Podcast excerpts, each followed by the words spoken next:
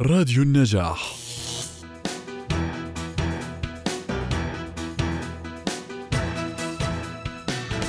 بحلول فصل الربيع كل عام تسود حالة بهجة بين أولئك الذين لا يحبون الطقس البارد ويستعدون للكثير من الانطلاق بحرية في الأماكن المفتوحة والاستمتاع بالطبيعة، وهي نفس الأيام التي يعتبر قدومها بمثابة دق ناقوس الخطر لمن يصابون بالحساسية الموسمية، ويبدأ في تناول أدوية مضادات الهستامين ومضادات الاحتقان وبخاخة الأنف. بحسب موقع كيرتو قبل الإقبال على العلاج ربما يكون من المفيد تجربة بعض الخيارات الطبيعية التي تساعد في علاج الحساسية.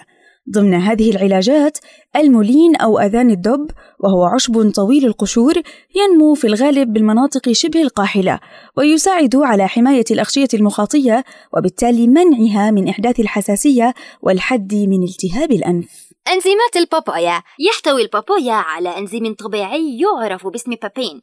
له خصائص طبيعية مضادة للالتهابات.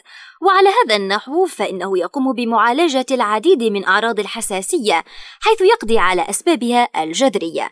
أيضا من أساليب الوقاية الكيرسيتين حيث توجد مضادات الأكسدة الطبيعية في الأطعمة مثل التفاح والتوت والمكسرات والبصل والشاي.